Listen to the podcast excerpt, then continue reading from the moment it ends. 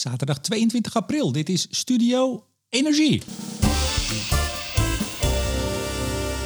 Met vandaag een nieuwe aflevering van de Studio Energie Marktupdate. De show over wat er op de energiemarkt gebeurt en waarom. Met de marktanalist van Nederland, senior energie-econoom bij publieke zaken, Hans van Kleef. Goedemiddag. Goedemiddag. En Studio Energie wordt mede mogelijk gemaakt door de vrienden van de show Eneco, Koninklijke FMW, Neptune Energy, Netbeheerder Stedin en Lightsource BP. Straks hebben we het over hoe de CO2-prijs reageerde op de goedkeuring van het Fit for 55 wetgevingspakket vorige week door het Europees Parlement. Praten we over de zeer negatieve elektriciteitsprijs van woensdag. Vertelt Hans waarom de maand- en jaarcontractprijzen van aardgas steeds verder uiteenlopen. En vooral wat dat betekent natuurlijk. En komen we ja toch wel even terug op OPEC Plus. Wel hè? Ja. Hans. En we hebben het over je nieuwe column. Nog nergens te lezen, maar wij hebben het erover. Maar eerst Hans, wat is jou, behalve dit, eh, dit nieuws wat we zo gaan bespreken, nog meer opgevallen de afgelopen vier weken?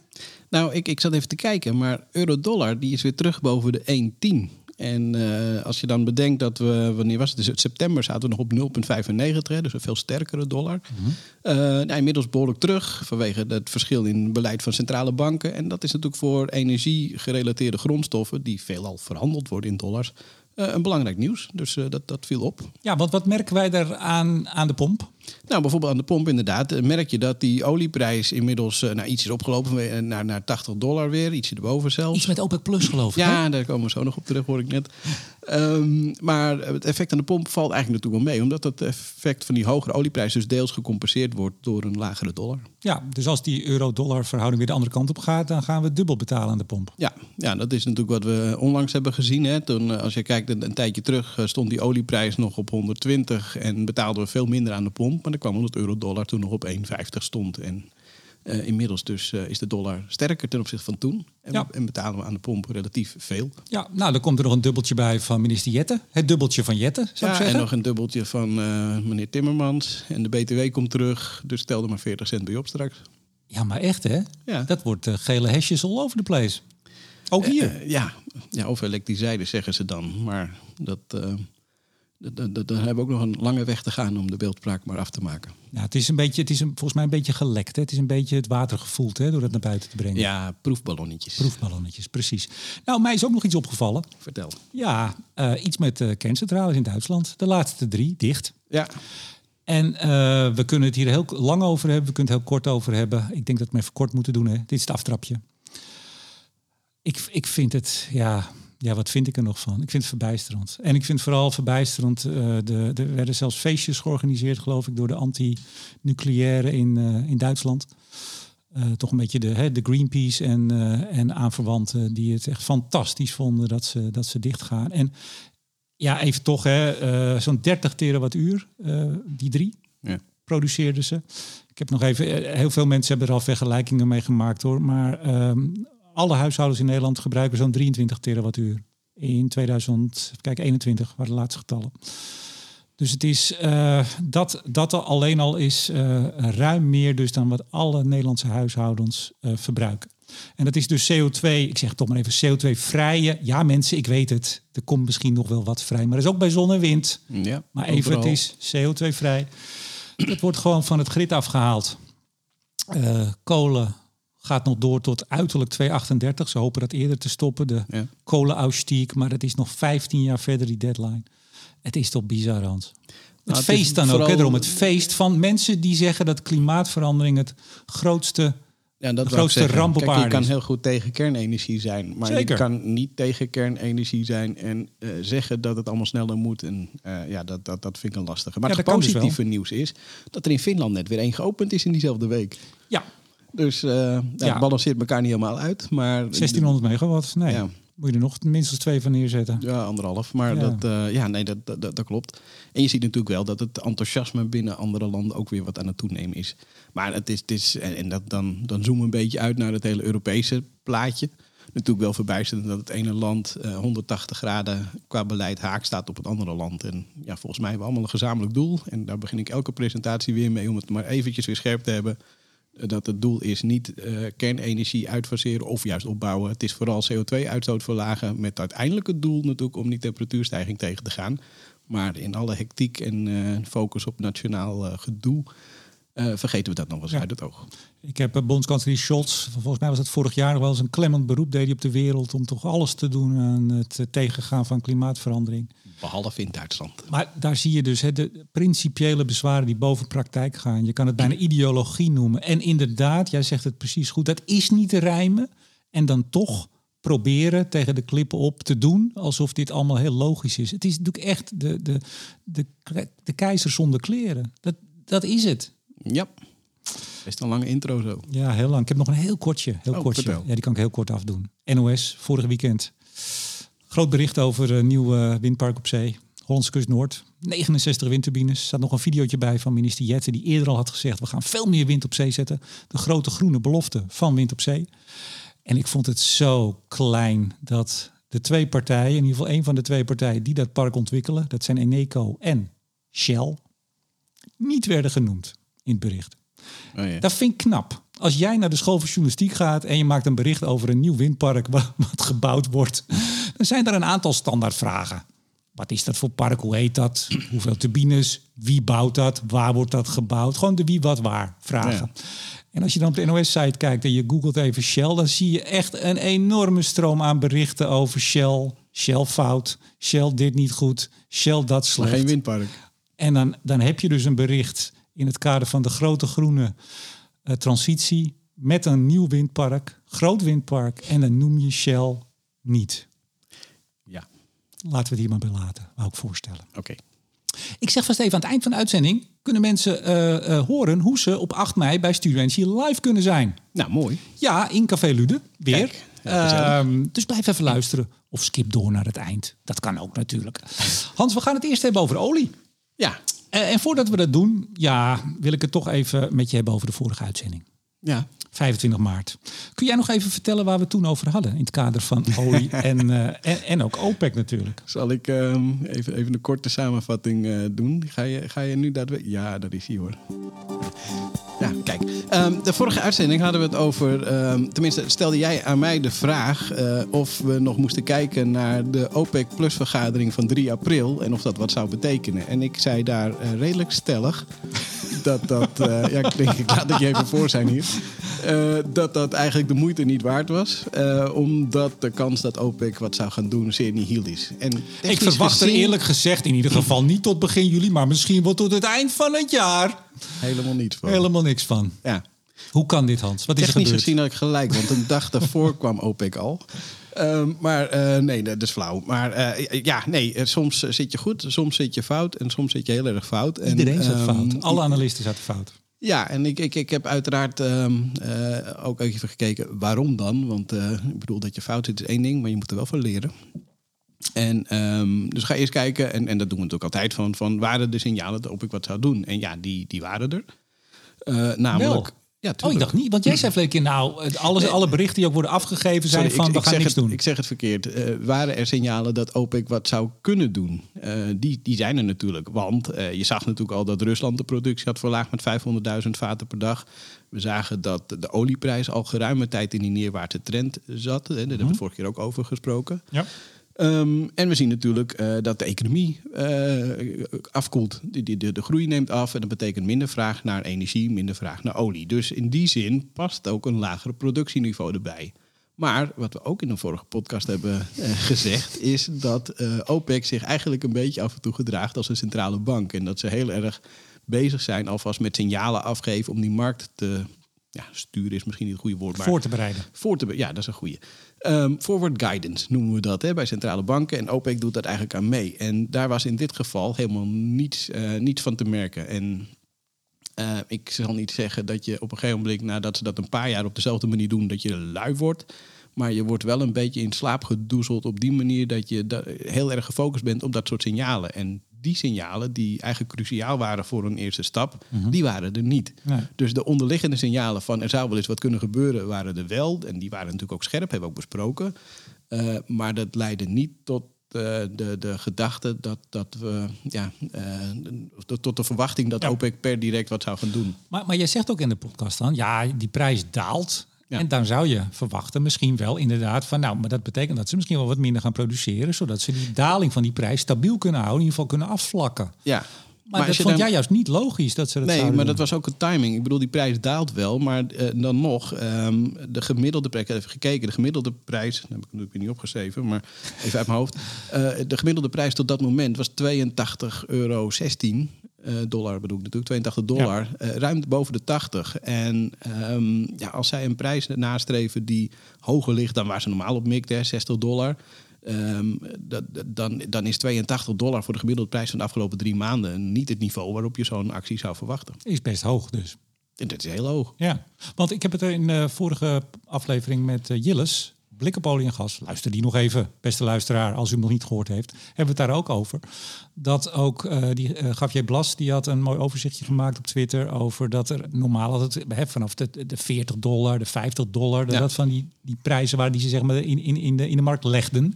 En dat ze het nu dus op een veel hoger niveau doen. Ja, maar en dat is op zich ook niet zo gek. Hè? We zien natuurlijk dat de vraag naar olie eh, nog steeds stijgt. Maar het aantal mensen die daarin mogen investeren, dat neemt eh, rap af. Dat betekent dat het bij een paar partijen uitkomt. En, en die hebben dus ook die hogere prijs nodig. Ja. Eh, op zich is dat dus niet zo gek. Eh, maar tot nu toe was er niet echt een signaal waar dat niveau dan zou moeten liggen. Nou, die ligt blijkbaar iets boven de 80. Mhm. Eh, maar ja, dat, dat weet je pas achteraf. Ja, maar wat zegt jou dit nog meer? Dat die, die, die relatief paar OPEC-landen, want wat hebben ze? Een derde van de productie in handen ongeveer? Eh, totale OPEC is, is, is ja, ongeveer een derde. ja. Maar dat zal natuurlijk toenemen. Ja, ja, nee, maar een derde. Nou, het is niet dat je zegt, eh, ze hebben het, eh, ze hebben de overgrote meerderheid Nee, van maar de de prijs wordt uiteraard bepaald door de marginale barrel. Eh, dus de, de, de laatste vat die de prijs bepaalt. Eigenlijk net als dat je dat eh, met eh, normale eh, Ja. merit order ook kent. Ehm, dus in die zin hebben zij een enorm eh, prijszettingsvermogen. hè. De, eh, Saudi-Arabië werd het- of is eigenlijk altijd de, de swing producer geweest. Oftewel de producent die niet alleen extra wil produceren als de prijs hoog is, maar ook bereid is om de productie te verlagen. Om de markt te balanceren, zeggen zij dan. Om de prijs te sturen, zeggen Ja. sommige anderen. Ehm, en ja, die, die, die, die kracht wordt, wordt groter. En is, eh, ja, we hebben natuurlijk heel veel geluiden gehoord de afgelopen jaren van ja, we gaan van olie af en OPEC is dood. Nou, eh, nee, echt niet. Maar, maar ze hebben toch hiermee bij een aantal landen heel veel kwaad bloed gezet met deze actie? Ja, maar ja, is hun, dat, dat, dat, ja, je kan dan vragen, is dat erg? Is dat hun doel? Eh, uiteindelijk... Maar ze vinden, het, ze vinden het dus niet erg. En daar zie je denk ik een, een heel andere dynamiek, even los van die, die olie. Dat, nou, dat soort landen en ook de ongebonden landen, hè, dat, dat hoor je natuurlijk vaker Ja. Het, het resentiment van eh, nou, de OPEC-leden, maar ook heel veel andere niet gebonden landen tegen het Westen, tegen westerse markten of tegen westerse regeringen, dat neemt toe. En ze worden steeds Ja, maar- mondiger en zijn steeds minder bang om tenen te gaan staan. Op zo- in, in ieder geval die van Amerika. De missie van OPEC, zegt OPEC altijd, is het balanceren van vraag en aanbod. Eh, op het moment dat je ehm, ziet dat de economie afkoelt en eh, dat, dat, dat er dus eigenlijk een overaanbod dreigt te ontstaan, ja, dan, dan brengen zij dat terug. Zij, en, en, en dat staat ook een beetje haaks op de lange termijn. En daar is denk ik OPEC heel erg geprikkeld over. Eh, dat je ziet dat de investeringen in olie en gas natuurlijk erg afnemen in het Westen. De internationale oliemaatschappijen die mogen steeds minder doen van hun aandeelhouders en van de NGO's en van, van overheden zelf. Eh, banken eh, ook. Ehm, dat betekent dat, het, terwijl de mondiale vraag natuurlijk eh, nou, misschien ook wel op een gegeven moment gaat afnemen, maar niet in hetzelfde tempo. Dus de, de, aan de ene kant zeg je van we willen het niet meer, maar aan de andere kant zijn we er wel steeds meer afhankelijk van. Ja, dat. eh, Ja, dus OPEC Plus Eh, zit in de handen te wrijven. Ze- Nou, wie, zei dat? De Saoedische olieminister toen. Van, we lijken wel in een soort van la-la-land te leven. Van, ja, waarbij de realiteit hier en daar een beetje uit ogen wordt verloren. En dat, dat is iets wat OPEC ook wel een beetje op scherp heeft gezet. Ja. En er is natuurlijk de samenwerking met Rusland nog eens bij. En Rusland heeft ook een eigen agenda in dit geheel. En heeft wel een behoorlijke stem in OPEC+. Plus. Ja, ik zag eh, bericht van Reuters vandaag. Dat is vrijdag, we nemen dit vrijdag op. Eh, Chinese state oil giants and major private refiners are sweeping up more Russian crude. Het gaat hartstikke goed met de Russische olie-export. Ja, eh, in die zin, en dat is misschien maar goed ook voor ons, want uiteindelijk komt er heel veel Russische olie toch nog de markt op. Eh twee derde ervan overigens gaat niet naar China, maar naar India. Eh, en, eh, en, en inderdaad is China ook in staat om steeds meer eh, olie op te pikken. En dat betekent dat die prijs van de Oerals ook wat langzaam oploopt. En dus de, de korting ten opzichte van Brent ja, kleiner wordt. Laagste punt sinds de oorlog, Ja.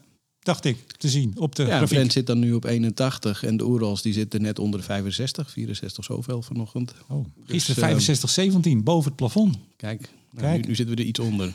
Maar ik hoorde ook signalen uit de VS van ja, we zien dat die prijs boven het plafond uit, eh, komt op dit moment.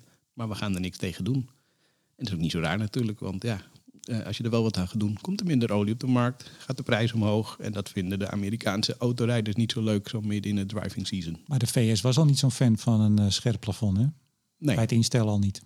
Nee, nee vanwege diezelfde reden. Precies, precies. Hey, want ik zag ook, ehm, maar dat was het IEA, eh, wanneer was het vorige week? Eh, de Russische olieproductie weer op eh, pre-war levels.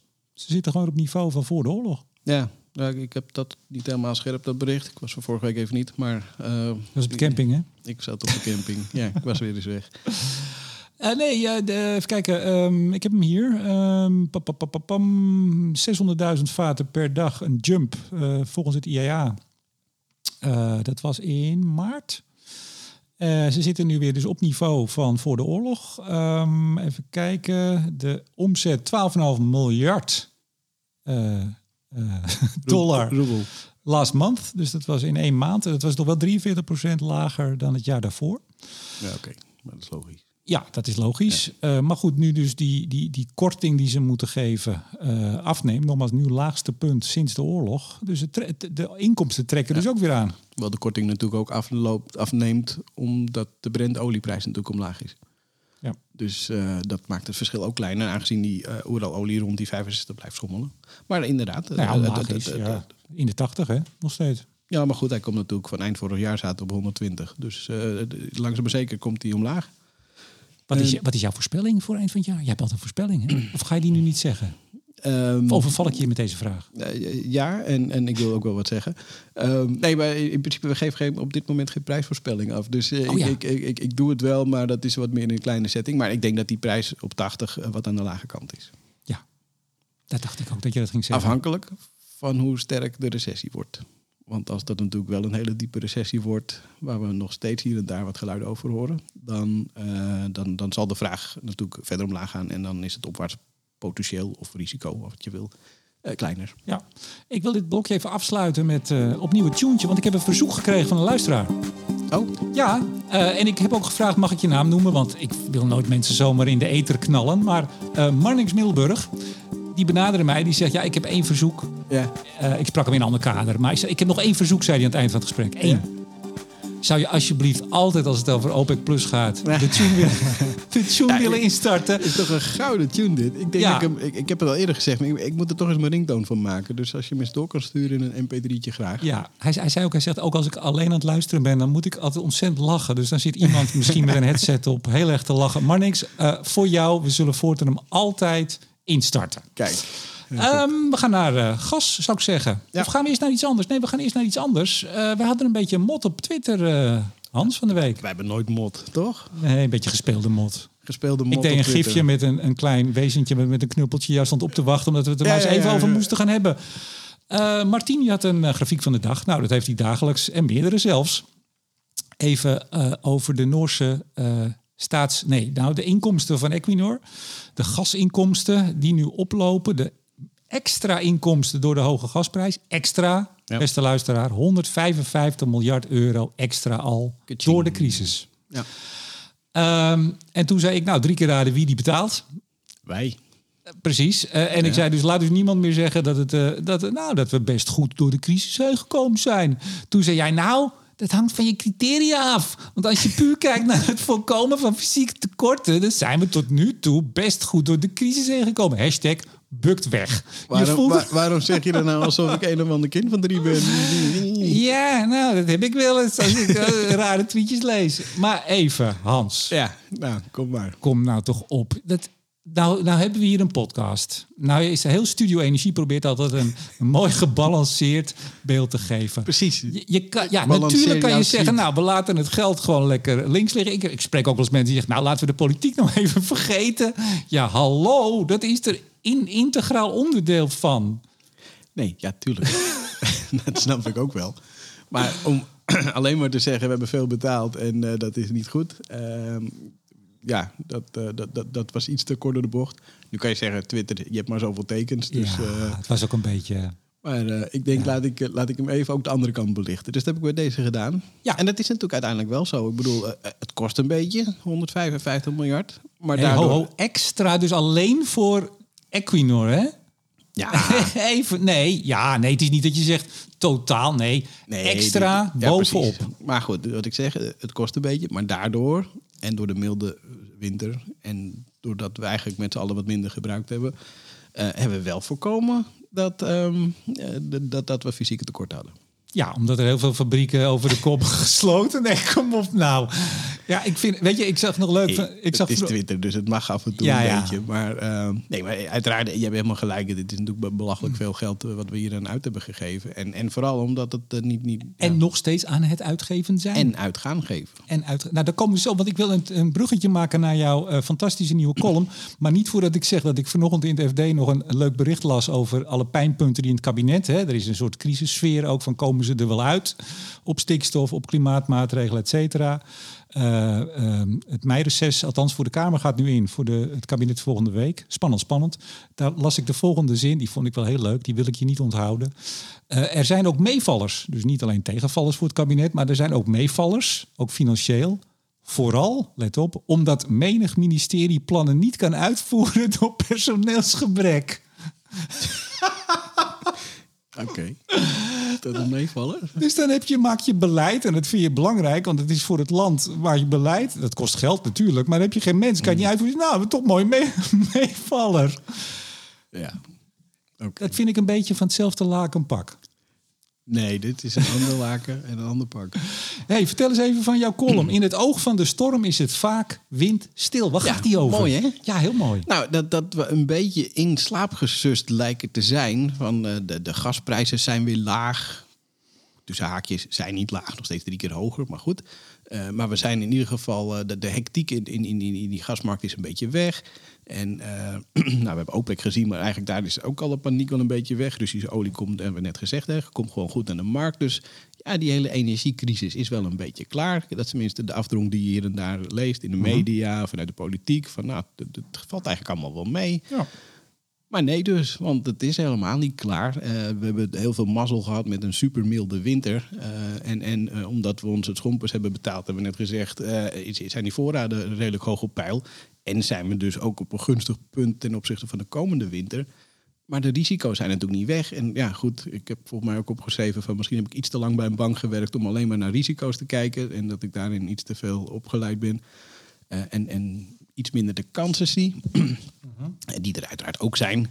Uh, maar ik denk dat de risico's nu al wat onderbelicht worden. Dat geldt voor de korte termijn, maar zeker ook voor de lange termijn. Ja, en jij, jij schrijft ook, en dat vond ik wel een hele rake zin, uh, en daarom haal ik hem even aan, dat die gas- en stroomprijzen nog steeds drie keer hoger zijn, terwijl we er heel goed voor staan. We hebben ja. die, die gasvoorraden die puilen ongeveer uit. Uh, Europa is nu ook bezig, komen zo bij gas, om eigenlijk ook uh, Russische LNG eruit te knallen. Ja. Uh, en terwijl dat dus zo is, we er ogenschijnlijk heel goed voor staan, zijn die prijzen nog steeds drie keer zo hoog. En daarvan zeg jij van kijk, dat, dat is dus een signaal. Daar moet je op letten. Waarom is dat? Ja. Schrijf je. Dat zeg ik. Ja, ja precies. Ja, dat Mooi, is jouw column. Ja, Ja, nee, ik, weet uh, het. ik Ik, vond eh, je hoeft mij niet goed. te vertellen. Ik heb het zo geschreven. Waakzaamheid is geboden, sluit je mee af. Ja, maar ook, uh, en dat, dat heeft meer te maken met de langere termijn. Van uh, ja, we willen, nou, dat hebben we net gezegd, hè, van olie en gas af. Uiteraard moeten we ook. We weten allemaal waar we staan. Moeten in 2050. De weg er naartoe is daarentegen uh, onzeker. Um, en gaat gepaard met allerlei um, ja, uitdagingen. Laat ik het zo zeggen. Mm. En dat zit hem natuurlijk vooral in het, in het feit dat we ja, niet afhankelijk willen zijn van Poetin, maar daardoor veel meer LNG halen uit de VS. Ja, wat als Trump daar zit volgend jaar, of wanneer is het over twee jaar? En nog steeds 20 miljard kuub uit uh, Russische LNG, hè? Uh, ja, 22 miljard kuub. Uh, dus dat, dat, dat komt ook nog deze kant op. Nou, daar willen we dan van af. Maar, maar goed, dat is nogmaals korte termijn. Maar ook als je kijkt naar de langere termijn en, en waar willen we dan naartoe? Ja, dan zijn we afhankelijk van allerlei kritische metalen. Ja, dat komt uit China of Afrika. Uh, wat als er volgende maand uh, China Taiwan binnenvalt? Hoe gaan we daarmee om? Eh, ja, eh, je hoort er niemand over. En ik mag toch hopen dat ze er wat over nadenken zijn. Maar laten we zeggen, de energietransitie is, is in die zin echt een supercomplexe opgave. En, en loopt nog tegen allerlei eh, nou, uitdagingen, moet ik het geloof ik noemen, aan. Ehm, Nou, daar denken we. Nee, maar hey, Hans, en die worden volgens mij veel te veel onderschat. Ja, nee, maar daar denken we dus niet over na. En daarom. En daarom highlight ik het in een column. Zeker. Dan kunnen mensen er dus over We nadenken. zijn het eens, Hans. Oh. Nee, maar luister. Kijk, daarom had ik het net ook over Duitsland en die, en die kerncentrales. Nogmaals, daar kan, je, daar kan je meerdere podcasts aan wijden, hoe dat nou kan. Eh, maar dan zie je het zelf natuurlijk met de afhankelijkheid van Rusland die we hebben opgebouwd eh, sinds begin deze eeuw, of eigenlijk al, al iets daarvoor. Dat met alle, ik zeg het vaker ook in presentaties, met alle denktanks die we hebben, met alle enorm slimme mensen, ook in Duitsland, die aan die energiewende eh, aan het werk waren. Hè. En we gingen in, vanuit Nederland en heel Europa ging bij de Duitsers kijken hoe zij dat deden.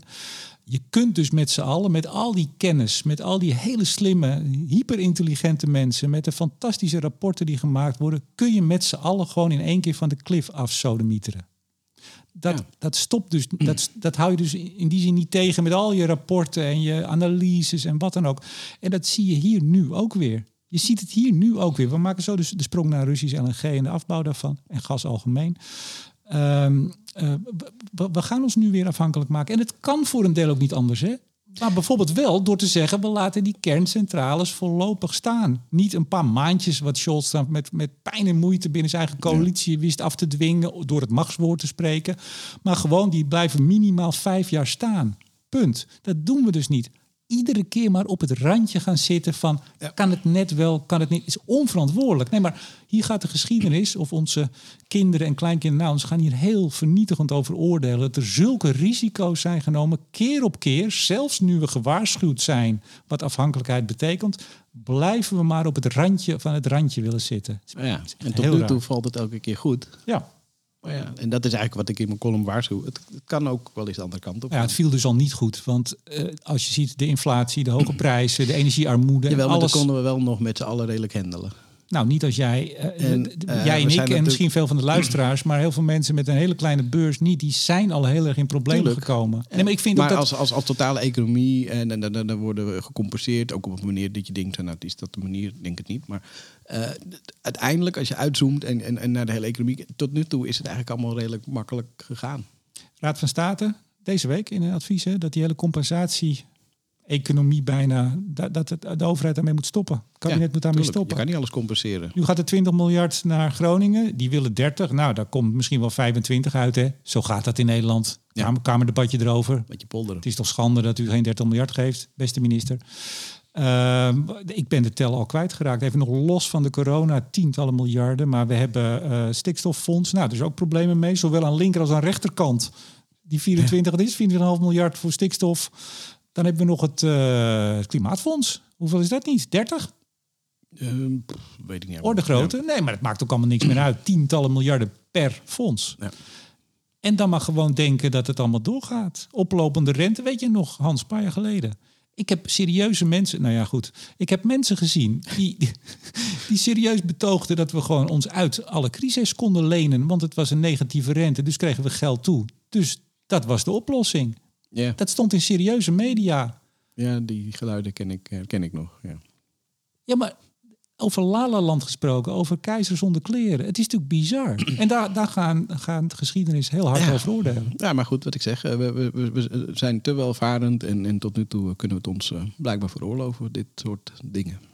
Moet een keer echt fout gaan. Wanneer is je column te lezen? Want Ik heb hem al mogen lezen, maar... Ja, ik heb hem ingestuurd. Ik, ik, ik moet altijd eh, keurig voor de deadline eh, mijn columns opsturen naar Energiepodium. Ehm, en dan wordt het de dag daarna, maar dat is vandaag. Dus als het vandaag er nog niet op staat, waarschijnlijk maandag geplaatst. Oké, nou, eh, lees dat. Gas. Eh zullen we beginnen met die Russische LNG? Want eh, ja, 22,1 zelfs eh, miljard kuub, om precies ja, te zijn. Ja, daar kwam onze kant op. Want LNG uit Rusland was niet, viel niet onder de sancties. Dus dan zijn we als gek dat gaan kopen. Ja, veel meer dus dan het jaar ervoor. Dat is eigenlijk... Ja. Hè? En, maar het gaat goed. De voorraden zijn vol. We hebben dit jaar nog maar 40 miljard kuub nodig. En dan zijn de, de voorraden in Nederland in ieder geval weer op peil. En nou, Europa zal natuurlijk iets meer zijn. Ik weet even niet uit mijn hoofd hoeveel. Maar eh, ja, dat- ja, we zitten dik in de 50% in Europa. Eh, ja, vijf- 56 geloof ik. Dus ehm, ja, dan is die 90% die we moeten halen, die, die lijkt eigenlijk, eh, als er niks raars gebeurt, in augustus, begin september eh, wel, wel binnen. Ik las juli zelfs al. Dan al? Oh, Ja. oké. Nou, dan Juli, augustus. een hele enthousiast iemand. Maar dat, Ja. dat kan als alles mee zit. Ehm, dus ja, dan kunnen we dus ook van het Russische LNG af. Zeg je met een glimlach. Ja, ik wil net zeggen, mensen zouden nu jouw gezicht moeten zien. Eh, maar dat komt vooral, ja, eh, nogmaals, eh, twee dingen. Als je de voorraden gevuld hebt, dan ben je er nog niet. Want dan moet je nog steeds de hele winter ook blijven importeren. Want anders zijn we gewoon simpelweg niet genoeg. Dus voorraden is één ding, maar dat de import blijft doorgaan.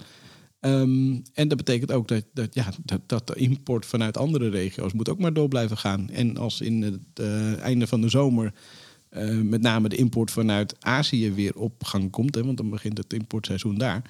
Ehm, ja, dan, dan moeten we wel weer vol gaan concurreren. En als die LNG-prijs dan in Azië net iets boven die hier in Europa ligt, ja, dan, eh, dan gaan die tankers toch mooi echt die kant op. Ja, nou dan gaat de prijs omhoog en dan gaan we dat weer compenseren. En dan pakken we weer tientallen miljardairs uit de, uit uit de achterzak. Ja, Ja. wellicht, ja.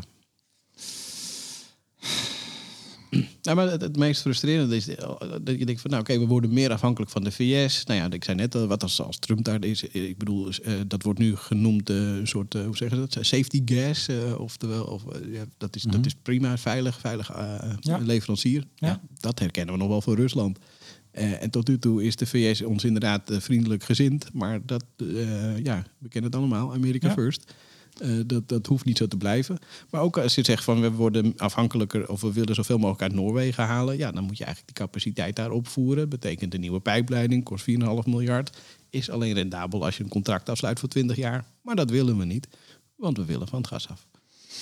En ja, dan, dan, dan zie je dat dat toch aan alle kanten een beetje loopt te schuren. Aan de ene kant willen we van alles, ehm, maar we willen er niet voor eh, ja, eh, betalen en ons lang, langjarig committeren. Ja. De TTF maandprijs en het jaarcontract lopen steeds verder uiteen. Ja. Stuur die mij. Wat betekent dat? Ehm, nou, dat, dat, dat, dat is eigenlijk een signaal van, van, nou, van, die, van die, die, die storm waar we nu middenin zitten. Ehm, eh, aan de ene kant zie je dat een maandcontract nu rond de 40 eh, euro per megawattuur schommelt. Betekent eigenlijk ja, rust, kalm.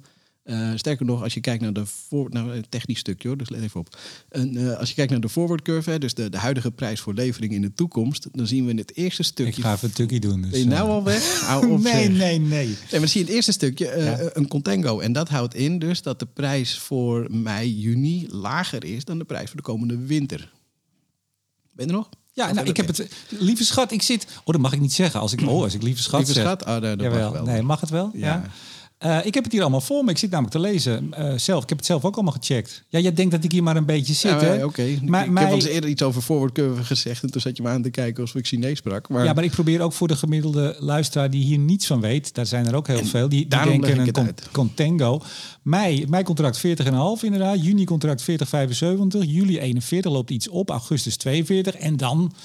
dan gaan we naar de range de- 52, Precies. 57. Ja. Dat is eigenlijk vanaf november tot en met maart Ja. 2025 ligt die prijs een stuk hoger. Dus Ja, dat is, jaarcontract volgend jaar 54,70.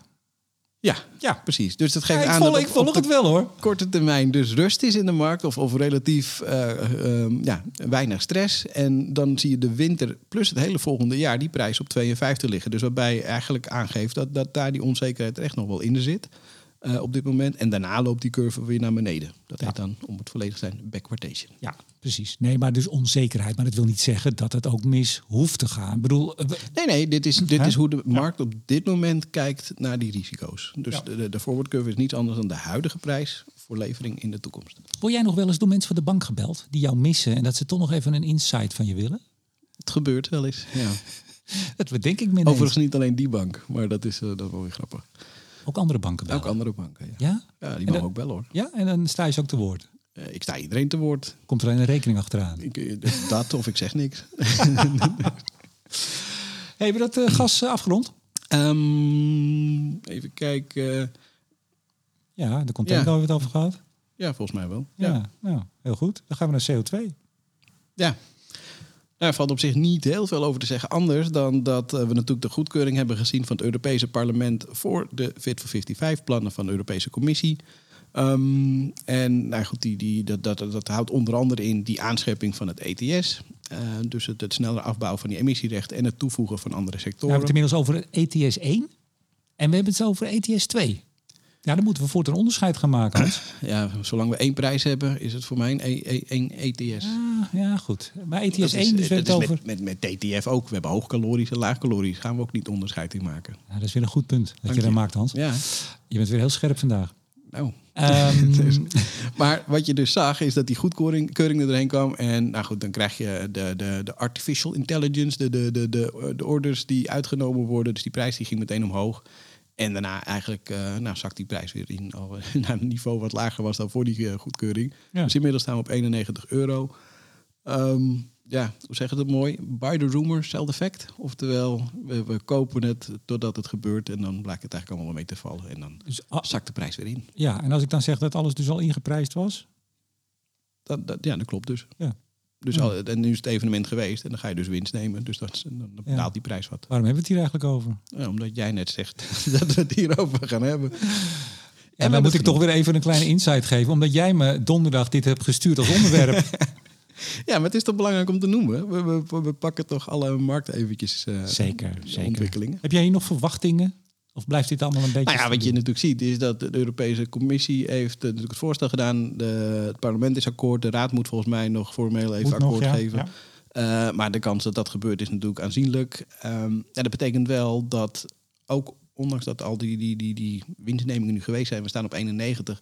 Ja, het lijkt toch wel dat die opwaartse prijsrichting, of de, de opwaartse de kans dat die Mhm. prijs verder gaat stijgen, die, ja, die is natuurlijk aanzienlijk. Ja. Ook als je technisch kijkt, eh, ik weet dat niet iedereen fan is van technische analyse, maar dat is dus eigenlijk kijken van naar patronen in de grafiek. Ja, dan zit je nu in een soort wicht. Dus we hebben een paar keer die 100 en 101 euro getest.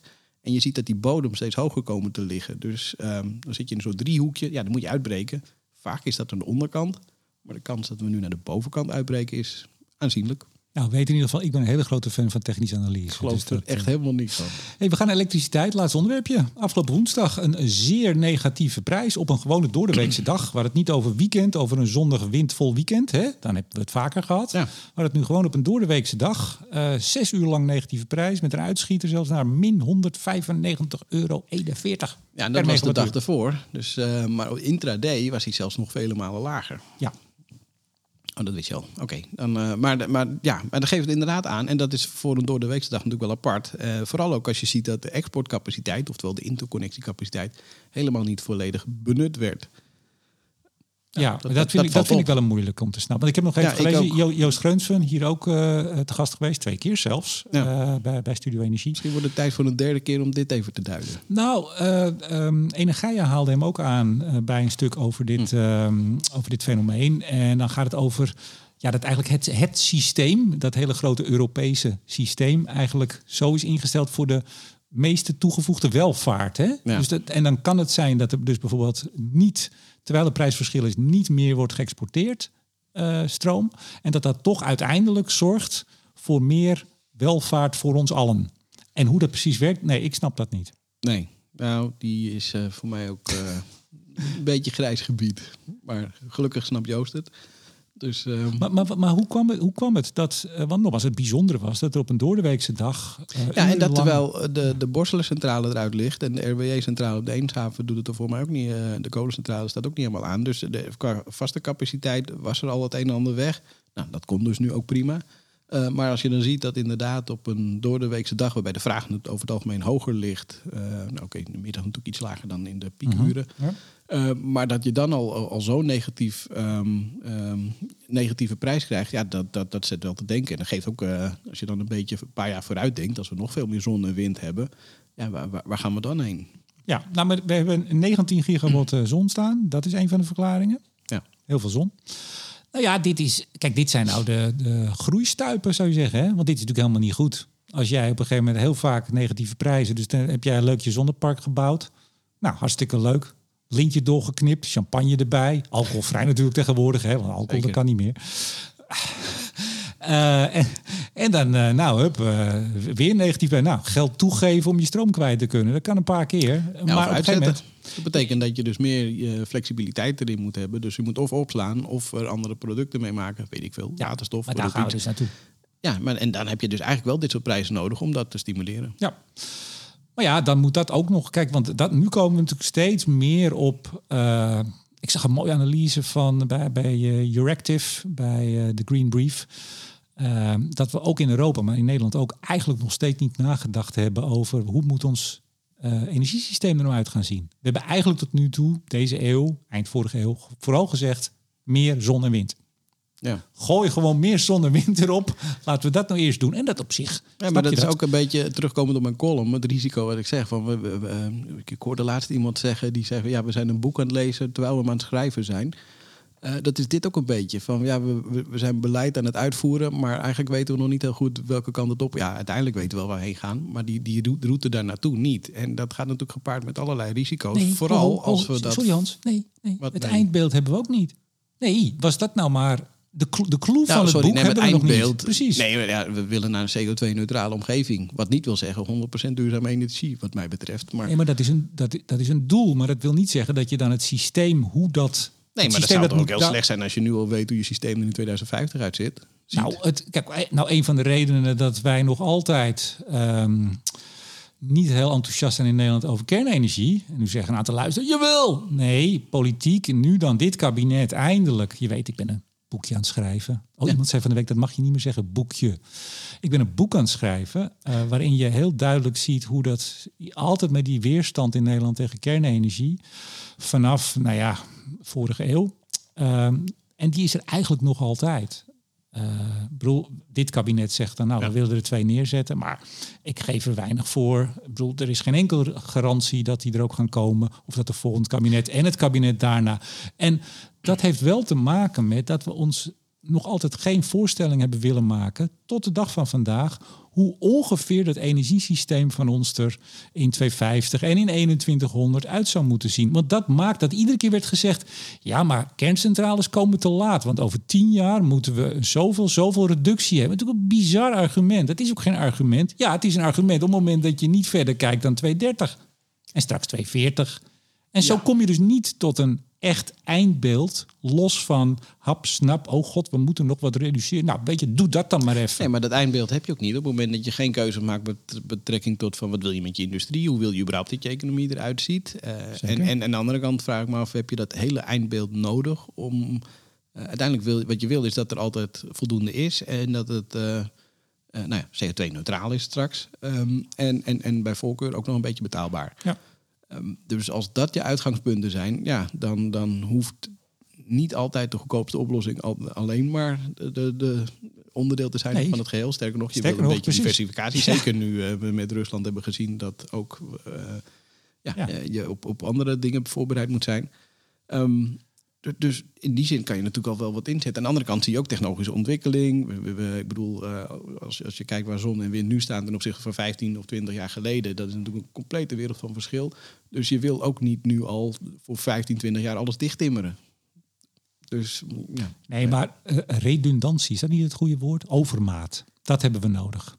Ja. Zet gewoon, nou minimaal, nee, twee is ook niks. Zet gewoon vijf, zes. Ja, maar dat, eh, dan, dat, dat, neer. dat- dan betaal je een paar miljard te Ja, veel. nou maar ja, ja. in al die miljarden die je net gezegd hebt. Ja, maar serieus hè? Nee, maar dus de, de afgelopen jaren, als het over kernenergie ging, dan was in Den Haag en ook daarbuiten, ja, maar eh, 10 miljard. Als je ziet nu, de 10 miljarden vliegen ons uit de zak. En dan hebben we het er niet over. Dan hebben we het er gewoon niet over. Dus het is zo relatief. Je moet gewoon een solide, robuust energiesysteem bouwen met overmaat. Ik zeg het even wat harder. Nou, dat is hem. Hans, waar kijk jij naar uit de komende Nou, weken? Volgende, volgende week begint die gezamenlijke inkoop hè, van gas. Fase 1. Dus ik, ik ben benieuwd of dat wat gaat doen voor het prijs. Ik vermoed van niet eerlijk gezegd. Maar we kijken er in ieder geval naar uit. Ja, maar jouw voorspellingen, dat, Nou, wat is dit nou weer? Doe eens even normaal. Ik heb ook gevoel. Ehm, Beste luisteraars, we zijn een beetje melig, merk ik. Althans, ik wel. het is ik wel. vrijdagmiddag. Ja. Ehm, Mag toch wel een en, keer. en die dag ervoor, 24e, is de Noordzee Summit. Ja. Dan, dan, eh, heb je dat gezien? Ja, zeker. De- de- Dat is ooit geïnitieerd door België, Nederland, Duitsland en Denemarken. ja, Luxemburg doet ook mee. Nou, dat wou ik net zeggen. Er, er komen nu een paar nieuwe landen bij. Frankrijk, VK, Ierland. eh, Ja, die hebben zee. dit? Noorwegen en Luxemburg. Ja, Ik denk, ja, ik geloof heus wel in, in, in klimaatverandering en dat die zeespiegel stijgt. Maar voordat Luxemburg aan de Noordzee ligt, dan hoop ik toch niet snel mee te maken. Nou heb ik een beetje jouw grapje voor je voeten weggemaakt. Ja, We hebben het hier niet over gehad. Maar dat sorry. geeft niet. Ja. Nee, dat maakt niet uit. Ja. Maar, dat, eh, de, de, de- maar die summit is natuurlijk wel interessant om te volgen en te kijken wat daar, wat daar gebeurt. Ja. Nou, dat, was is het hem. eigenlijk. Nou, dan zeg ik eh, Studio Energie live. 8 mei, jij bent erbij. Ja, zeker. Jilles is erbij. Je kunt gewoon, beste luisteraar, Jilles en Hans in het wild met een biertje of een andere versnapering of een bitterballetje gewoon tegenkomen. Je kunt ze ook aanspreken, niet te veel. Je moet ze niet Ja. laten schrikken ook. Geldt niet voor Remco. Die, die is er wel, maar die kan je niet echt Nee, aanspreken. ik ben druk. Ik heb werk daar. Ehm, vanaf half vijf beginnen we, dus de inloop. Eh, half zeven tot eh, half zes, pardon. Half zes tot half zeven is dan de opname en de borrel tot half acht. Er zijn nog een paar plekken en die hou ik apart vrij voor luisteraars. Dus de vrienden van de show hebben de uitnodiging van de week al gehad. We zitten al, nou, bijna vol. Maar ik heb een paar stoelen, die hou ik echt vrij. Nee, dat vind ik echt leuk. Dat was ook bij eh, in eh, Diligentia. Ja. Ik wil altijd zorgen dat mensen die eh, nog geen vriend van de show zijn, met een nadruk op nog, toch eens even een kijkje kunnen komen nemen. Nou, lijkt me leuk. We hebben leuke gasten. Ik weet nog niet wie. Ja, Marie, Marien Boonman. fantastisch. Nee, Marien Boonman, die is vaste gast. Vaste energie-nerd, vaste analist. eh, waarmee we het nieuws van de Even afgelopen vragen maand... hoe het met de duif is. Is er wat met zijn duif? Ja, hij, hij is het duivenkwekerij begonnen op het balkon. Oei, nou, daar, eh, daar schrik ik toch van. ja. Ehm, als je er nou bij wil zijn, mailtje. Stuur me een mailtje. Uh, luden studio kleinliggend streepje energie.nl. Laat wel even weten waarom je erbij wil zijn. Je hoeft geen, ik zeg altijd geen sollicitatiebrief, maar even goh van nou, ik luister al lang of ik luister heel kort of eh, ik vind dit leuk of ik vind dat leuk of ik vind dit helemaal niet leuk. Dat kan ook. Luden studio kleinliggend streepje energie.nl. En dan meld ik ook nog even Hans, tot slot, dat eh, dinsdag bij Studio Energie gaat het over kernenergie. Kijk, Ja, en niet zomaar over kernenergie. Duitse kernenergie. Eh, dat, komt, nou, dat komt zeker langs. Het gaat ook over vooral eh, kernbrandstof. En eh, ook daar wil Europa en wil eigenlijk de hele wereld van de Russen af. Rusland, een van de grootste leveranciers, tot nu toe eigenlijk ongemoeid gelaten. Nou, dat biedt kansen voor eh, Urenco. Urenco heeft ook grote uitbreidingsplannen in Nederland. Ehm, en dan gaan we het natuurlijk ook meteen even hebben over de Nederlandse kernenergievoortgang. Zou ik zeggen met wie, wie ik het ga doen? Eh, ja, maar Ja, zou ik maar doen. hè? Waarom niet, hè? Ja, Ad Louter, de CEO van eh, Urenco Nederland. wie kent hem niet? Heel goed. Zeker, Leuk. voorzitter van Nucleair Nederland. In 2018 al een keer te gast. Eh, dat is wel leuk, want toen, toen was net ineens een soort hype van kernenergie. Lubach had er toen aandacht aan besteed. Oh, ja, ja, ja. Dijkhoff zei, zonder kernenergie kunnen wij... Nou, halen we dat klimaatdoel nooit van het klimaatakkoord. Toen had ik hem ook te gast. Luister dat gesprek anders nog even terug. Dat was dus najaar 2018, Ad Louter. Dinsdag bij Studio Energie. Ik zeg dankjewel Hans, tot de volgende. Tot de volgende. Studio Energie wordt mede mogelijk gemaakt door de vrienden van de show. Eneco, Koninklijke FMW, Neptune Energy, Netbeheerder Stedin en Lightsource BP. Mijn naam is Remco de Boer. Graag tot de volgende keer.